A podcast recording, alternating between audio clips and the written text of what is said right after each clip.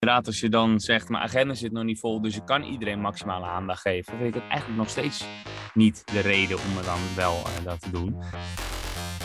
Sales, groei, leads, deals, closen, allemaal termen waar jij hitsig van wordt. Goed dat jij weer luistert naar een nieuwe aflevering van de Smiley met dollartekens podcast.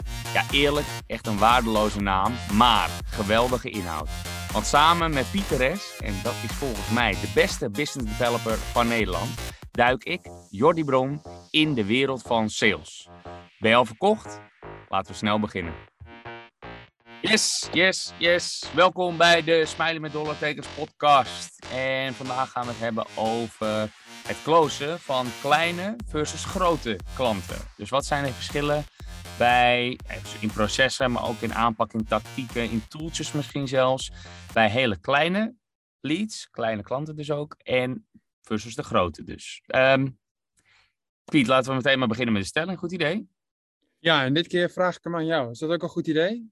Oh wauw, ik ben helemaal in de war. Het staat niet in het draaiboek. Maar, nee, gooi maar, maar in. Iedere lead verdient maximale aandacht. Nee. Ja, oneens. Uh, ik weet dat jij het mee eens bent, dus ik snap ook nu waarom jij hem opeens wil voorlezen. Uh, ik denk dat je een, um, ja, natuurlijk, als je niet genoeg leads hebt, moet je alles zo maximaal mogelijk oppakken. Maar ervan uitgaande dat je goede business developer bent en dat marketing ook nog eens een schepje bovenop doet, dan zou je een onderscheid moeten maken tussen leads die klein zijn en een kleine kans hebben, versus groot en grote kans. En dat kleine kans en grote kans is natuurlijk ook nog iets waar je wel rekening mee moet houden. Maar dan zou het natuurlijk heel gek zijn dat als je kleine en ook nog eens vervelende klanten met weinig customer lifetime value, die uh, mag je eigenlijk natuurlijk niet dezelfde aandacht geven.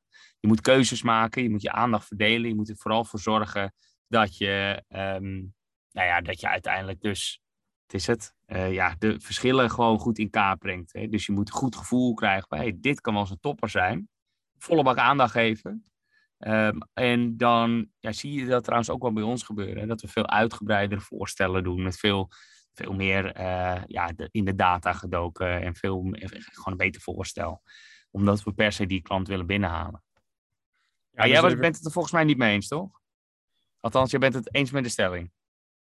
Nou ja, kijk, iedere lead verdient maximale aandacht. Ja en nee. Wat je eigenlijk heel goed zegt, het is bepalend. Zo'n stelling is het niet, hè Piet? Je moet kiezen. Eigenlijk is de, ja, nou, laat mij even praten. Eigenlijk is de factor tijd daarin bepalend. Kijk, als jij genoeg tijd hebt voor al jouw leads, dan zeg ik, nou, geef iedereen evenveel aandacht als dat past in de agenda. Maar als je krap zit qua tijd en je moet prioriteiten stellen, ja, dan zeg ik, stel die prioriteit voor je grotere klanten. Maar uiteindelijk zie ik ook in mijn salesproces dat ik niet iedere lead maximale aandacht geef. En dat vertaal ik uiteindelijk door naar de voorbereidingstijd die ik daarvoor neem. En uiteindelijk ook of ik er hè, een specialist bij vraag uit het team om even aan te sluiten. Om de verdiepingsslag extra aan te brengen in wat we te hebben, hebben, hebben te vertellen. Ja, maar inderdaad, als je dan zegt, mijn agenda zit nog niet vol, dus ik kan iedereen maximale aandacht geven, vind ik het eigenlijk nog steeds niet de reden om er dan wel uh, dat te doen. Dan zou ik zeggen, boor dan wel de perfect client aan. Uh, en zorg er gewoon voor dat je, weet ik wel, een autoriteit gaat bouwen. En zorg ervoor dat je gaat opvallen. Maar ga niet de, de, de kleine en niet perfect fit klanten uh, proberen kost wat kost binnen te halen. En nee zeggen, uh, vooral in het offerte-traject, dat is echt iets waar ik achter moest komen. Dat wat uiteindelijk alleen maar beter werkt, omdat je gewoon betere klanten binnenhaalt. Gewoon niet eens zozeer groter, maar vooral klanten die beter bij je passen. Mm -hmm. Die echt uh, uiteindelijk gewoon, uh, ja, voor de, wij meten heel geen customer lifetime value. Dus wat verwachten we dat deze klant op den duur gaat opleveren?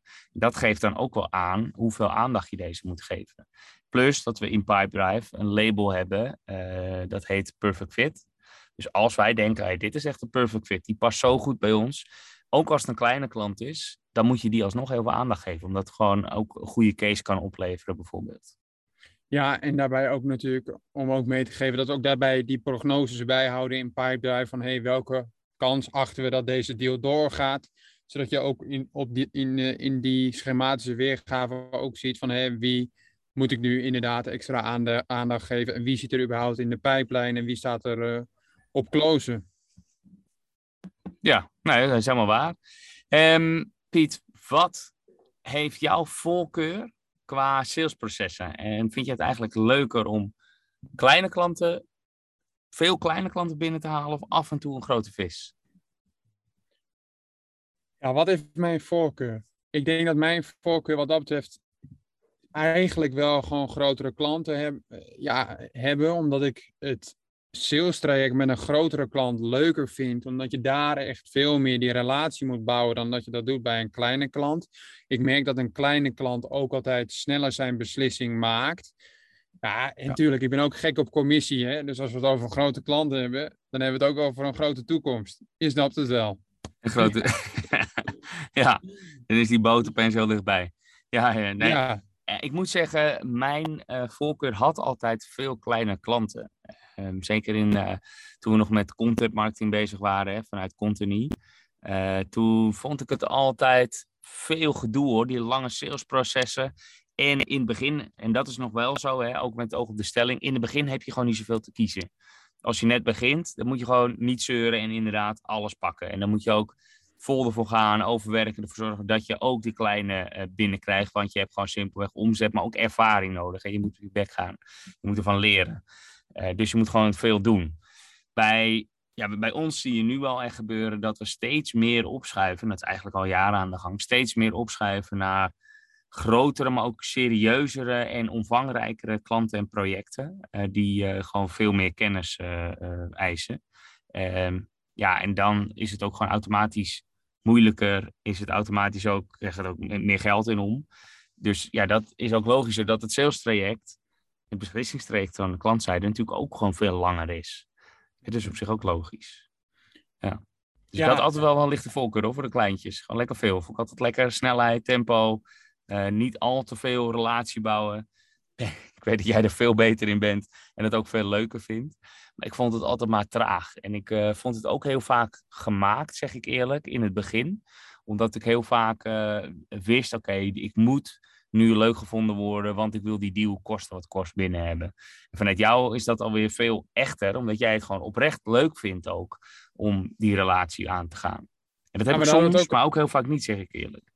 Ja, maar daar hadden we het ook de vorige pod podcast over. Werk en privé uiteindelijk met elkaar combineren. Kijk, dat golven en uiteindelijk uh, een happy, happy uh, lunchen, dat vind ik gewoon super leuk. En dat is puur ook om, omdat ik het ook leuk vind om nieuwe mensen te ontmoeten. Ja, ja, en dan draagt het inderdaad ook bij aan mijn werk, aan mijn doelen. En dat is vervolgens ook sales. Ja, dus het hangt ook allemaal wel een beetje met elkaar samen. En uiteindelijk is het ook gewoon vanuit mijn interesses en uh, wat ik gewoon graag doe. Dus eigenlijk ja, op die manier geeft dat zich vorm. Ja, maar er is ook nog wel een verschil uh, als het gaat om die, de kleintjes en de grote wat betreft uh, aandacht, zoals je zegt, maar tegelijkertijd ook dus automatiseren. Uh, bedoel ik bij dat wij bijvoorbeeld ook bij, met de kleinere klanten, dat we die ook benaderen via e-mail. Dat we dus info-adressen ook wel eens gewoon vragen van, lijkt het je tof om een keer te sparren over growth hacking? Ik zie dat jullie dit en dit al doen. Uh, ja, sta je daarvoor open. En dat kan ook geautomatiseerd met Lemlist. Uh, maar ja, het, helpt ook wel dat we um, ja, dat op massa doen natuurlijk. Want die persoonlijke aandacht, die kan je niet voor alle kleintjes ook doen. Maar die e-mails, dat heeft natuurlijk niet zoveel zin als je gaat sturen naar info.abn AMRO of info.egon of noem een andere grote corporate waar je het info-adres wil gaan gebruiken. Dus dat werkt alleen geautomatiseerd en dan ook nog eens massa gepersonaliseerd, als het gewoon kleine klantjes zijn. En je moet gewoon veel meer aandacht geven aan de, ja, de grote klanten met een langere sales uh, trajecten. Ja, dus in het ideale scenario heb je dus eigenlijk twee soorten funnels of hè, verschillende flows waarbij je in de basis bepaalt hè, wat is die product market fit, kleine versus grote klanten dat je daarin segmenteert en uiteindelijk ook je verschillende eh, fases in de funnel uh, uiteindelijk vormgeeft. En ik denk dat je dan ook meer richting, hè, als we het dan over, echt over corporate niveau hebben, dat je dan veel meer moet denken aan een ABM, hè, een account-based marketingstrategie moet denken, waarbij je per prospect echt een funnel gaat uitzetten met het team, met elkaar die pijnpunten gaat doornemen en uiteindelijk vanuit de behoefte van die potentiële klant uiteindelijk ook die content gaat opstellen. En op die manier ook uh, high target kunt binnenkomen. Ja, ja wij zijn natuurlijk nu uh, voor onszelf ook bezig met uh, ja, een vorm van account-based marketing, zou je kunnen zeggen.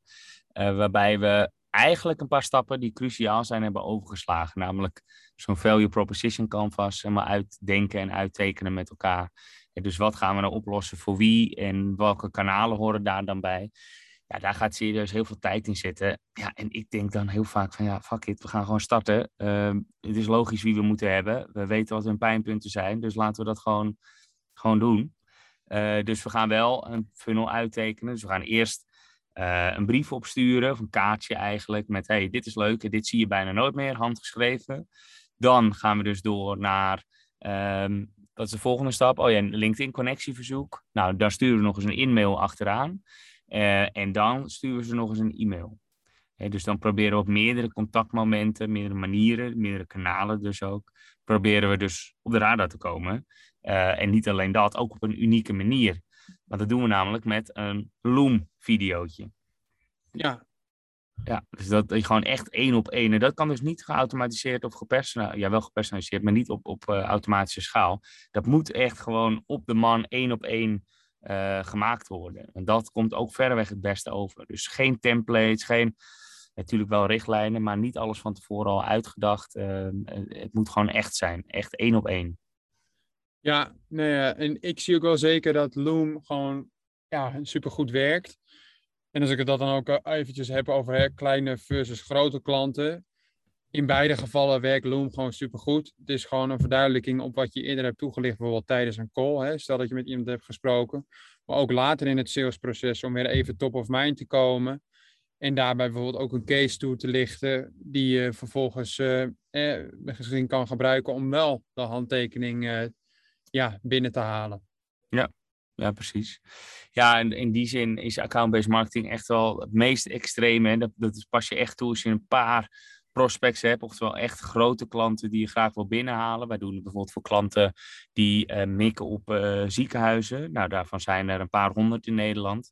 En dan niet iedere ziekenhuis dan ook nog geschikt. Dus dan gaan we binnen regio's kijken, oké, wie moeten we daar hebben? Eh, en dat is dus echt graafwerk. En daar gaat natuurlijk heel veel tijd in zitten. En dat bedoel ik ook met die maximale aandacht. Dat moet ook bij account-based marketing. Want dan ga je ook kijken, wie is beslissen? Wie gaat uiteindelijk uh, testen? Wie gaat uiteindelijk ook over het budget?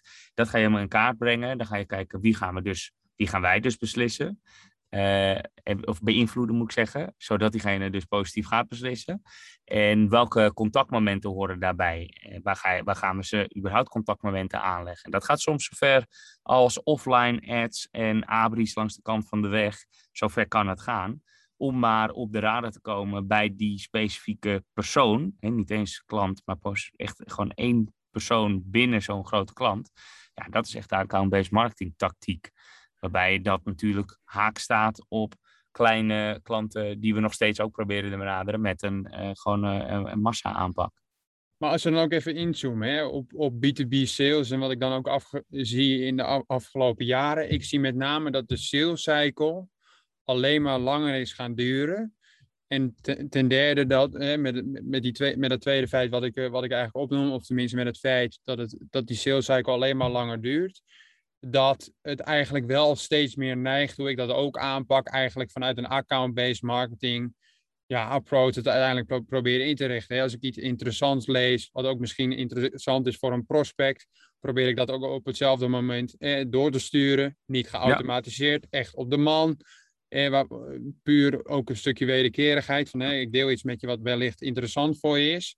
Maar mijn vraag aan jou, ook vanuit jouw gedachte. Krijg ik weer een vraag? Ja, vanuit, vanuit je, vanuit je ondernemerservaring ben ik ook wel benieuwd. Want uiteindelijk denk ik dat jij ook wel kunt bevestigen dat sales steeds meer account-based marketing zal worden. Want het draait steeds meer om hè, die relatie bouwen, elkaar dingen weggeven hè, en elkaar helpen. En het is niet meer dat als je vandaag iemand belt, dat je morgen een, een deal closed. En natuurlijk is dat afhankelijk van je business. Maar als we dat dan even specifiek bekijken tot onze business, denk ik dat dat zeker wel zo is.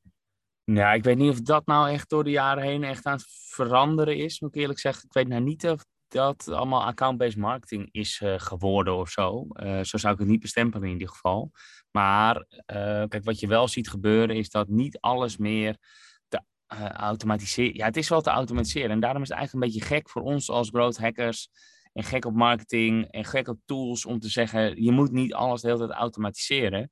Want nou, ten eerste ben je vaak op kleine schaal, hè, dus je hebt niet heel veel ontvangers, ben je langer bezig met de automatiseringsslag. Er gaat meer tijd in zitten dan wanneer het handmatig zou doen. Dus er is een snijpunt en die ligt vaak nog verder dan je denkt. Dus in die zin ben ik al voorstander van op kleine schaal dan. Hè, stel dat je 100 mensen hebt of 50, doe het dan lekker gewoon handmatig. Ehm, maar tegelijkertijd denk ik ook dat het uh, echt toegevoegde waarde is. Als je toch even naar de website gaat, even naar de LinkedIn profiel, nog even een Google search doet van diegene. Uh, misschien vind je inderdaad iets. Tuurlijk, dat kost twee minuten. Maar ja, dat zorgt er wel echt voor dat je conversiepercentage omhoog schiet. Als je net even die persoonlijke touch geeft. En dus als je dat bedoelt, ja, dan, dan ben ik het eens. Dan wordt het steeds meer account-based. Maar nee, kijk, ik denk dat, uh, dat dat echt wel een, een, een trend is voor ons ook. Hè, dat we steeds. Ik ben eigenlijk in die zin ook wel. Ik ben wel blij dat LinkedIn nu ook met die, uh, uh, ja, met die limit komt. Hè, van, of die is er al van 100 connectieverzoeken per week. Het sloeg ja. natuurlijk ook echt helemaal nergens meer op. En wij hadden ook zoveel accounts draaien die volle bak aan het uitnodigen waren. Ja, veel te veel. En dat is natuurlijk helemaal niet meer persoonlijk. Dus ik ben er juist wel blij mee dat we eigenlijk geforceerd worden om weer ja, echte berichten te sturen. En wat jij doet, dat, uh, dat reageren en zo bij mensen, dat is ook niet te automatiseren. En jij, jij gaat gewoon echt, echt je mening geven, je gaat je mengen in discussie. En dat is ook wat gewoon autoriteit is. Uh, dus echt. Ja, ja. Nou ja, goed. Daar kun je dan uiteindelijk de stempel, denk ik, misschien voor geven. Hè? Dat is account-based marketing of niet. Maar goed, dat is niet hè? eventjes closen. Maar er komt wel gewoon meer bij kijken. Natuurlijk, hè, dat, re dat reageren op LinkedIn, dat is natuurlijk ook met het doel van, hè, kijk, ik heb er wel verstand van. En om uiteindelijk ook wel die conversatie op te zoeken. En om, om ook dat stukje autoriteit uh, uit te stralen. Ja. ja. Zo is het. Hey, nog één laatste uh, onderwerp binnen dit onderwerp. Dat zijn uh, cases. wanneer deel je nou, wanneer, laten we eerst het hebben over het maken. Dus wanneer mag je nou trots zijn op een klant en, en een case dus van maken? Een client case op de website. Of een PDF kan ook. Maar ja, kan dat ook van kleine klanten? Ja, ik denk, ik denk van wel. Want uiteindelijk gaat het erom dat je kunt aantonen: hé, hey, kijk, wij hebben toegevoegde waarde geleverd. En dit moet jij lezen, want kijk maar wat we hebben gedaan. En ja. dat je daarmee misschien dan ook uiteindelijk een behoefte kunt opwekken, wat misschien wel uh, iets kan zijn uh, bij een buyer persona wat speelt. Ja. Dat is eigenlijk mijn criteria wanneer je dat, uh, wanneer je dat kunt delen. En niet simpel een klantquote, dat is ook geen case. Maar als je echt toegevoegde waarde hebt geleverd, ja, dan, dan vind ik wel dat je dat uiteindelijk moet delen. Ja, nee, klopt ook wel hoor. Voor, kijk, zeker als je meer kleine klanten wil die zich kunnen associëren of moeten associëren met andere soortgelijke klanten, ja, uiteraard heb je dan die client cases nodig. Um, je hebt ook daarentegen natuurlijk als je merkt op grote klanten grote cases nodig die er nog niet zijn. Dus wat je dan ook wel vaak ziet gebeuren, is dat ze een soort van industry case of benchmark case maken. Dus dat is dan voor een fictief bedrijf. Eh, waarbij ze zeggen, nou stel dat je in deze sector zit, dan kunnen we dit en dit voor jou betekenen. Wordt ook wel gedaan. Ja, is natuurlijk echt gelul, maar het werkt wel. En klanten, nieuwe klanten, die kunnen zich er dan wel iets beter mee associëren van wat je waarschijnlijk voor hun gaat doen. Dus ja, dat werkt. Um, en ja, kijk, de, wat, nog één ander ding, dat zijn dan niet cases, maar dat is meer natuurlijk uh, name dropping. Hè, of uh, eigenlijk gewoon laten zien voor welke klanten je nog meer werkt. Dat doen wij ook wel eens. Um, maar niemand die die B2B servicebedrijven kent van 10 of 15 of soms iets groter FTE. He, dus het is meer, ja, wat laat je nou eigenlijk zien? Het is niet dat we voor Coca-Cola of Nike uh, werken of zo. Dus een enkele keer dat iemand zegt, hey, die ken ik, maar dat is dan één uit een lijst van 20 klanten. dus het is helemaal niet, ook niet echt cool om mee te pronken of zo. Nee, maar dat zeggen jullie wel zo. Ja, ja. Sorry dat ik je onderbreek. Ja, nee, ga mag, door. Mag wel, hè? Mag wel. Altijd, Piet. Nu je dat zo zegt, we hebben natuurlijk ook die campagne nu lopen. Koud e-mailen via Lemlist. in die campagne link ik ook naar onze client cases. En ik merk wel heel vaak bij de eerste kennismaking, als iemand interesse heeft getoond na zo'n mail, van hé, laten we even met elkaar bellen. Dat ze wel zeggen van hé, ik zag de client case van company name, van bedrijfsnaam. Vertel me eens meer wat je voor hun hebt gedaan, want die ken ik. Kijk, en dat richten we natuurlijk wel zo in dat het ook is afgestemd op, uh, op natuurlijk uh, de, de, de, branches die we daarmee mee mikken. Maar je merkt wel dat als je een autoriteit in de, in de markt hebt geholpen, die, uh, waar, waar je toegevoegde waarde hebt geleverd, dat er wel op wordt doorgevraagd. Dus dat het wel werkt. Ja, ja, ja, dat denk ik ook. Uh, ik vind het heel moeilijk om het voor onszelf te doen, dat weet je. Ik loop er al lange tijd mee te struggelen. Het gekke is, voor klanten is het best wel makkelijk. En zeggen we altijd, veel betere cases nodig. En wat een geweldig verhaal, waarom staat er niet op je website? Dit moet je echt verdelen.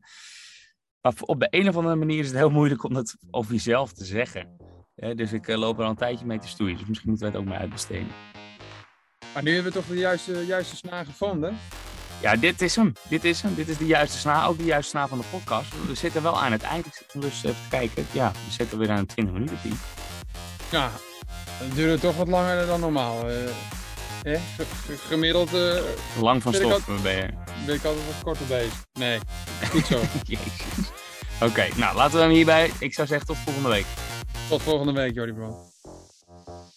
Jij wordt de beste business developer en ik hoop dat onze podcast daaraan zal bijdragen. En dan wil ik maar gelijk een beroep op jou doen.